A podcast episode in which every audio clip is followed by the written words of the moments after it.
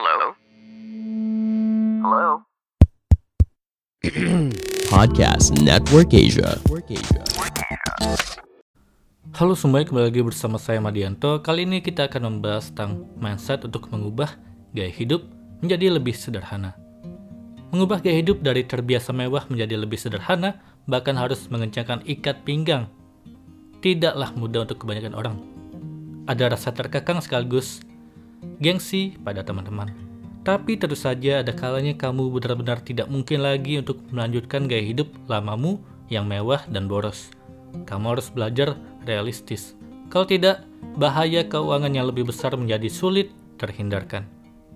Kendati tidak mudah, keinginanmu untuk mengubah gaya hidup perlu didukung. Guna memudahkan proses adaptasimu, simaklah ulasan berikut ini. Yang pertama, berhemat bukan berarti miskin. Justru keputusanmu untuk mulai berhemat sekarang juga adalah untuk mencegahmu terjerembab dalam kemiskinan.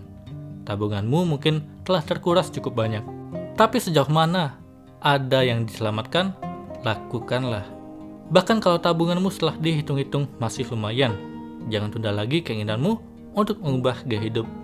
Lebih ringan mengubahnya dengan kesadaranmu sendiri daripada kelak kamu hanya terpaksa oleh keadaan ketika telah tak ada uang lagi di sakumu. Kedua memang selalu ada yang harus diprioritaskan dalam hidup. Memutuskan untuk mengubah gaya hidup adalah tanda kamu memahami apa yang seharusnya diprioritaskan untuk saat ini. Apakah itu rencanamu memiliki rumah sendiri, berkeluarga, atau tabungan pendidikan untuk anak misalnya? Kamu memang tidak dapat terus berhura-hura dan hanya memikirkan diri sendiri. Usiamu bertambah, tanggung jawabmu juga jadi jangan mengelak dari keharusan mengatur prioritas dalam kehidupanmu. Ketiga, malu hidup sederhana tak menyelamatkan dirimu dari masalah keuangan. Apabila kamu harus merasa malu, malulah kalau kamu sampai terjerat masalah keuangan yang sesungguhnya masih dapat dicegah. Bayangkan apa yang ada di orang-orang seandainya ada orang yang terkenal bergaya hidup mewah tiba-tiba mencari pinjaman uang ke mana-mana. Dapatkah orang itu menanggung rasa malunya? itu berlipat-lipat beratnya ketimbang rasa malu lantaran orang itu harus menurunkan gaya hidup. Dengan mengubah gaya hidup, artinya kita masih punya kendali atas kehidupan kita. Ketika hari-harimu habis untuk memikirkan cara melunasi utang dan mencari pinjaman yang baru. Keempat, makin sedikit yang kamu butuhkan, bukankah semakin baik? Kurang tepat kalau kamu mengartikan semakin kaya sebagai makin banyak kebutuhan, Orang kaya sesungguhnya justru yang kebutuhannya paling sedikit. Bukan berarti ia telah benar-benar memiliki segalanya, melainkan ia merasa cukup dengan apa yang dimilikinya saat ini. Dengan sedikitnya kebutuhan, kamu tidak perlu ribet lagi memikirkan terlalu banyak hal hanya untuk mengejar kepuasan diri. Kamu dapat fokus pada hal-hal yang lebih penting untuk masa depan sekaligus bermanfaat bagi orang lain. Kelima, bekerja keras seperti apa pun tak dapat mengimbangi gaya hidup mewah. Permasalahan utama saat bergaya hidup mewah adalah tidak ada batas maksimal. Ini seperti di atas langit masih ada langit. Di atas suatu kemewahan pasti masih ada yang lebih mewah lagi. Lantas dengan cara apa lagi? Kamu akan terus mencari uang apabila gaya hidup yang coba diikuti pun tidak ada titik akhirnya.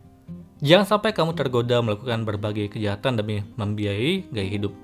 Itu bukan jalan hidup menuju kebahagiaan yang sejati. Kamu tak lebih seperti diperbudak oleh gaya hidup mewah, mencari uang sebanyak-banyaknya hanya untuk cepat-cepat dihabiskan lagi. Keenam, mengantisipasi masa depan adalah tindakan bijaksana. Sebaliknya, mengabaikan segala potensi bahaya di masa depan adalah ciri khas yang bodoh. Makin kamu dapat menggunakan akalmu, makin kamu mampu membayangkan hal-hal terburuk yang mungkin saja terjadi di masa depan. Bedanya dengan penakut, kamu tak terhenti pada sekedar membayangkan, melainkan lekas mengambil berbagai langkah pencegahan. Bukankah orang yang paling mujur adalah yang masih memiliki tabungan ketika kondisi sulit terjadi? Ketika mindset tadi tertanam kuat oleh dirimu, kamu akan melalui perubahan gaya hidup dengan perasaan ringan. Bahkan, proses transisi ini membuatmu mampu memaknai kehidupan dan kebahagiaan dengan lebih baik. Itulah tadi mindset untuk mengubah gaya hidup menjadi lebih sederhana. Semoga ini bermanfaat. Sekian dan terima kasih. Pandangan dan opini yang disampaikan oleh kreator podcast, host, dan tamu tidak mencerminkan kebijakan resmi dan bagian dari podcast Network Asia.